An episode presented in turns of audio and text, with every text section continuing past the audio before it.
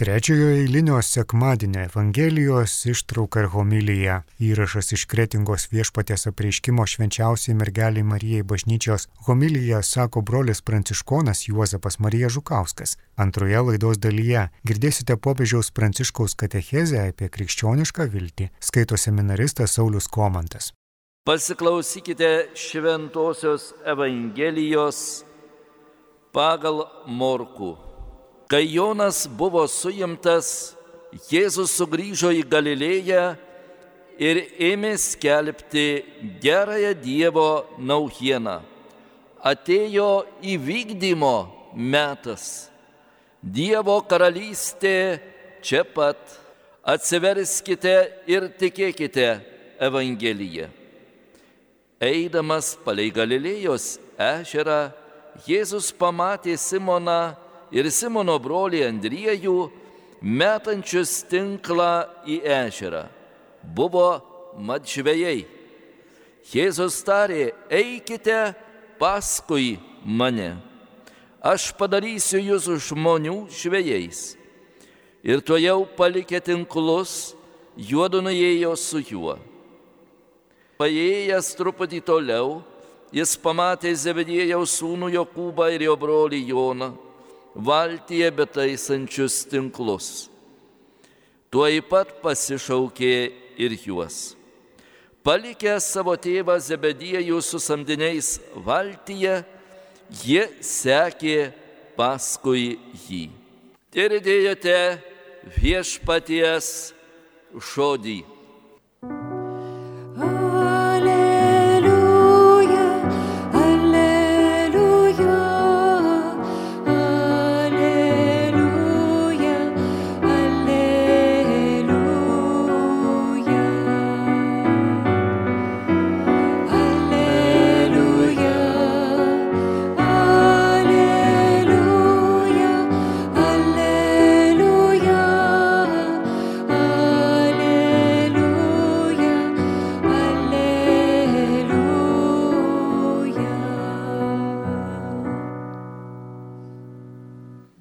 Ši savaitė yra tokia Šventojo Pauliaus savaitė, paskelta Dievo žodžio savaitė ir dėja su liūdėsiu turiu pasakyti, kad nu perlenkė čia Paulius šį kartą, nu nepataikė. Nu ką su to Paulium? Ir jisai pats jaučia, kad nugi nusirašė. Ir jeigu paimtumėt šio laiško korintiečiams pradžią, tai jis ir tarsi teisindamasis sako, nu, neįsakau aš jums čia, bet jeigu klausėt mano patarimo, tai rašau. Ir sako, gyvenkit, tarsi negyventumėt, turėkit, tarsi neturėtumėt. Ir sako, nu, tokie laikai sunkus, persekiojimai. Ir iš tikrųjų, kai rašė, krikščionys buvo persekiojami, šeimos išardomos, atsirado, kodėl krikšto tėvų netgi institutas, jeigu nužudydavo krikščionis ir likdavo maži vaikai, tai krikšto tėvams netgi būdavo pareiga tuos vaikus išauginti kaip savo. Ir tikrai Paulius sako, nu visiškai baisus laikai, sako, prie nieko neprisiriškit, nes nuteks nusivilti. Ir pabaigoje tarsi atsiprašydamas dar pasako, nu aš galvoju, aš manau, kad šiuose reikaluose turiu Dievo dvasę. Tai labai galime panašiai galvoti ir šiandien. Nu baisus tie laikai, nu prie nieko negali prisirišti. Ir iš tiesų net nereikia čia gyventi, tarsi negyventum ir turėti tarsi neturėtum. Na štai jau ir tas mišes jūs turite stebėti per ekraną, dalyvauti, bet to pačiu ir nedalyvauti. Tėvai, vaikai, anūkai susitinka kažkur per atstumą, yra tie vaikai ir tarsi jų nėra, tai ką čia, ar gyvenimas? Ar tai čia tai, ko mes turime siekti ir sakyti taip ir gerai? Ir dėja buvo laikas bažnyčioje, kada pasigavo tuos Pauliaus žodžius ir sakė, visi turime būti visiški asketai ir jau ten šeimose nedaug dievė, tenais į vieną lovą, jeigu atsiguls, tikrai gyvenkit kaip broliai ir seseris, nu visi tokie, nu, iš tikrųjų, nei balta, nei juoda. nei šalta, nei šilta.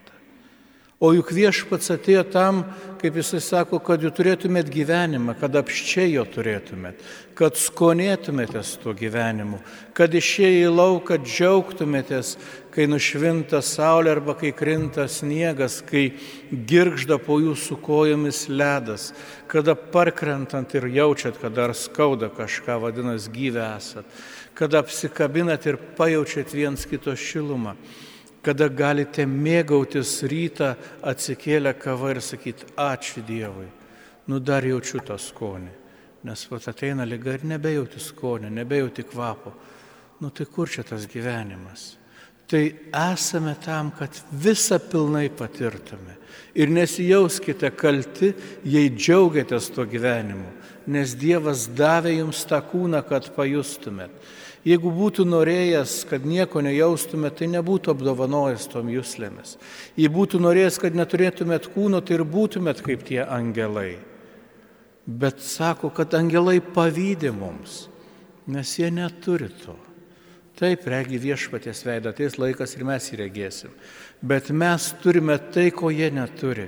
Ir pats Dievas, kūrinijos apstybė, nužengė į šį kūną ir džiaugiasi jį turėdamas. Ir štai skaitome, kad Jėzus sugrįžta į Galilėją. Prisiminkime praėjusią sekmadienį, skaitėme apie Joną Krikštytoje, apie jo mokinius, kurie susirinkę, klausosi, kad štai artėja ta Dievo karalystė ir susipažįsta ten su Jėzumi, netgi klausia, kur tu gyveni, sako, teikit, pamatysit, pabūsim, pavakarosim kartu. Ir štai Jėzus dabar ateina ten, kur gyvena tie mokiniai. Taigi ne pirmą kartą jie čia susitinka, tikrai jau yra matę. Ir Jėzus atbuvęs dikumoje, atbuvęs tą laiką ir supratęs, kad jau laikas imtis darbo, ateina ir pakviečia. Pakviečia Simoną Petrą, jo brolį Andriejų, pakviečia Joną ir Jokūbą, pakviečia tuos žvėjus. Matome, kad Jonas su savo broliu Jokūbu jau išlipę taiso tinklus, taigi nesunkiai gali pakilti, su Simonu Petru yra šiek tiek sunkiau, jie ten užmetė tinklus, bet ait, kas nors ištrauks irgi eina. Na, tokia biški sumaištis, Bet matome, kad Jėzus ateina matyti irgi pametęs galvą, negalvodamas, kas čia vyksta, sako, einam, reikalų yra. Karšta košiai pameta viską ir nueina. Ir čia matome labai tokią gražų Jėzaus pasirinkimą. Visų pirma, jis pasirenka, aišku, žvėjus, žvėjus dėl galbūt ir tų savybių, kuriomis žvėjai yra apdovanoti. Nes žvėjas yra kantrus.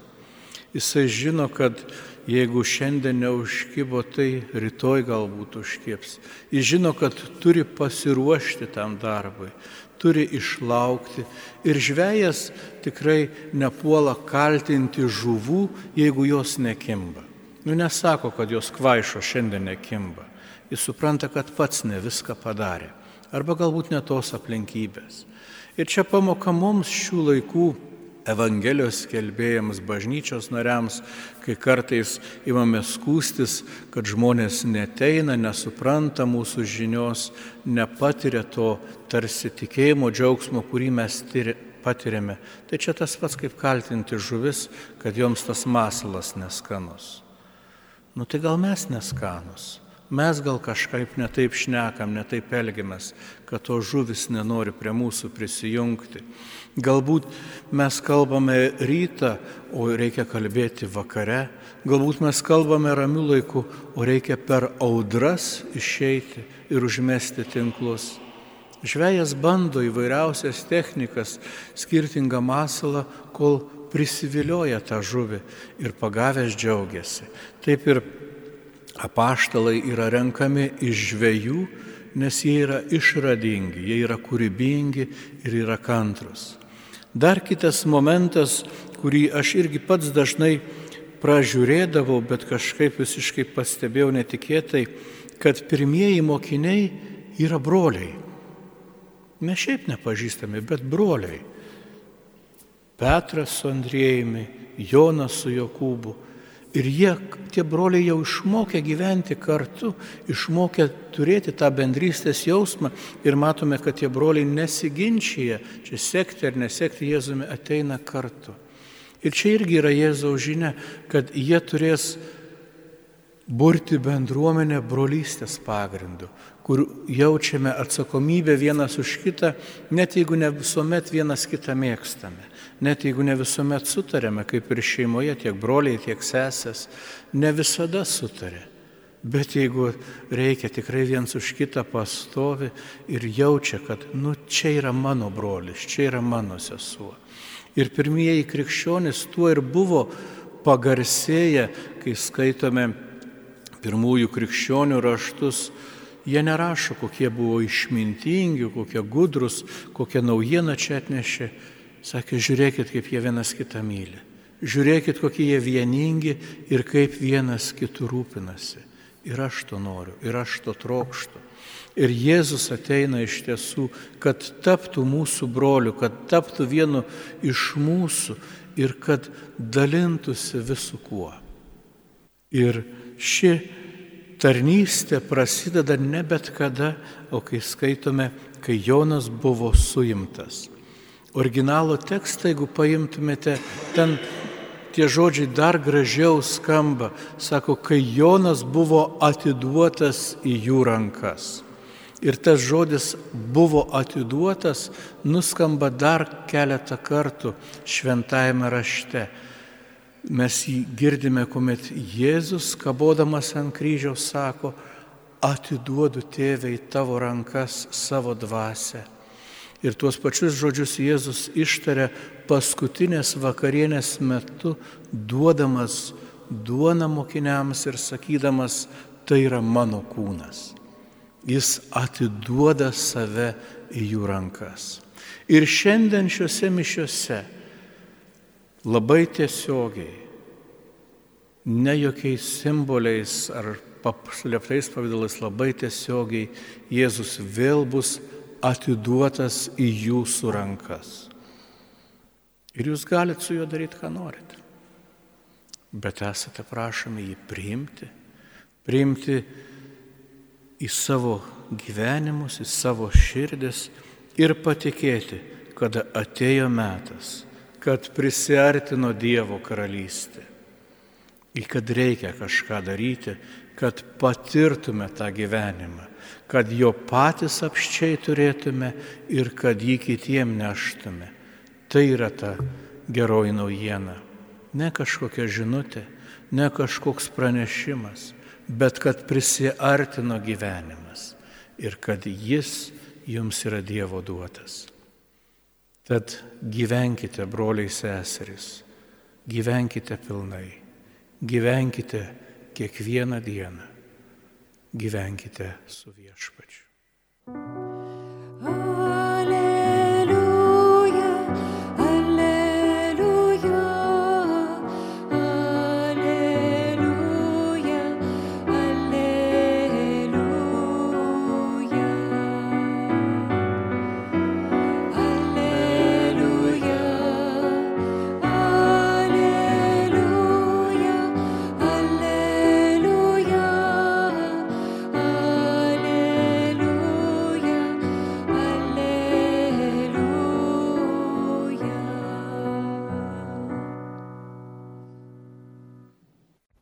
Popiežius Pranciškus krikščioniškoji viltis.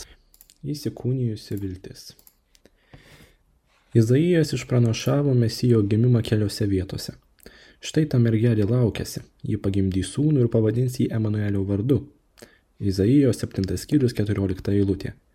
Taip pat iš išajo kelmo išauks atžala, iš jo šaknies pražys pumpuras.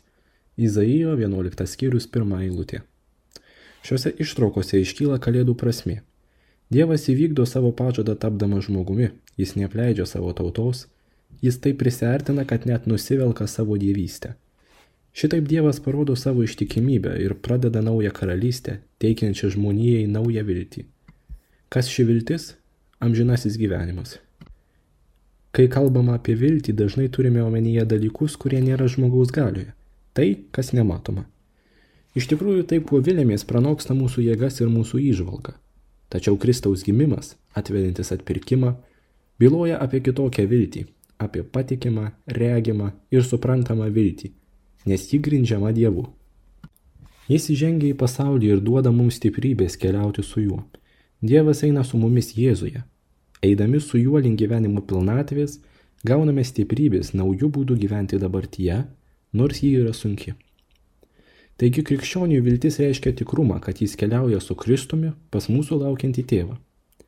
Viltis niekuomet nėra sustingusi, ji keliauja ir verčia mus keliauti. Ta viltis, kurią mums duoda Betlėjaus kūdikis, siūlo gerą kryptį dabarčiai, žmonijos išgelbėjimą ir palaiminimą tiems, kurie pasitikė gailestingojų dievų. Šventasis Paulius tai apibendrina žodžiais. Esame išgelbėti viltimi. Laiškas romiečiams 8 skyrius 24 eilutė. Taigi su viltimi keliaudami šiame pasaulyje esame išgelbėti. Galime kiekvienas iš mūsų paklausti, ar keliauju su viltimi, ar mano vidinis gyvenimas sustingęs ir uždaras. Ar mano širdis yra užrakintas stalčius, ar jie atvira vilčiai, kuri įgalina mane keliauti ne vienam, bet su Jėzumi. Advento laikotarpiu krikščionių namuose įrengiamos prakartėlės pagal tradiciją, siekiančią šventojo pranciškaus asiziečio laikus. Prakartėlė savo paprastumi perteikia viltį.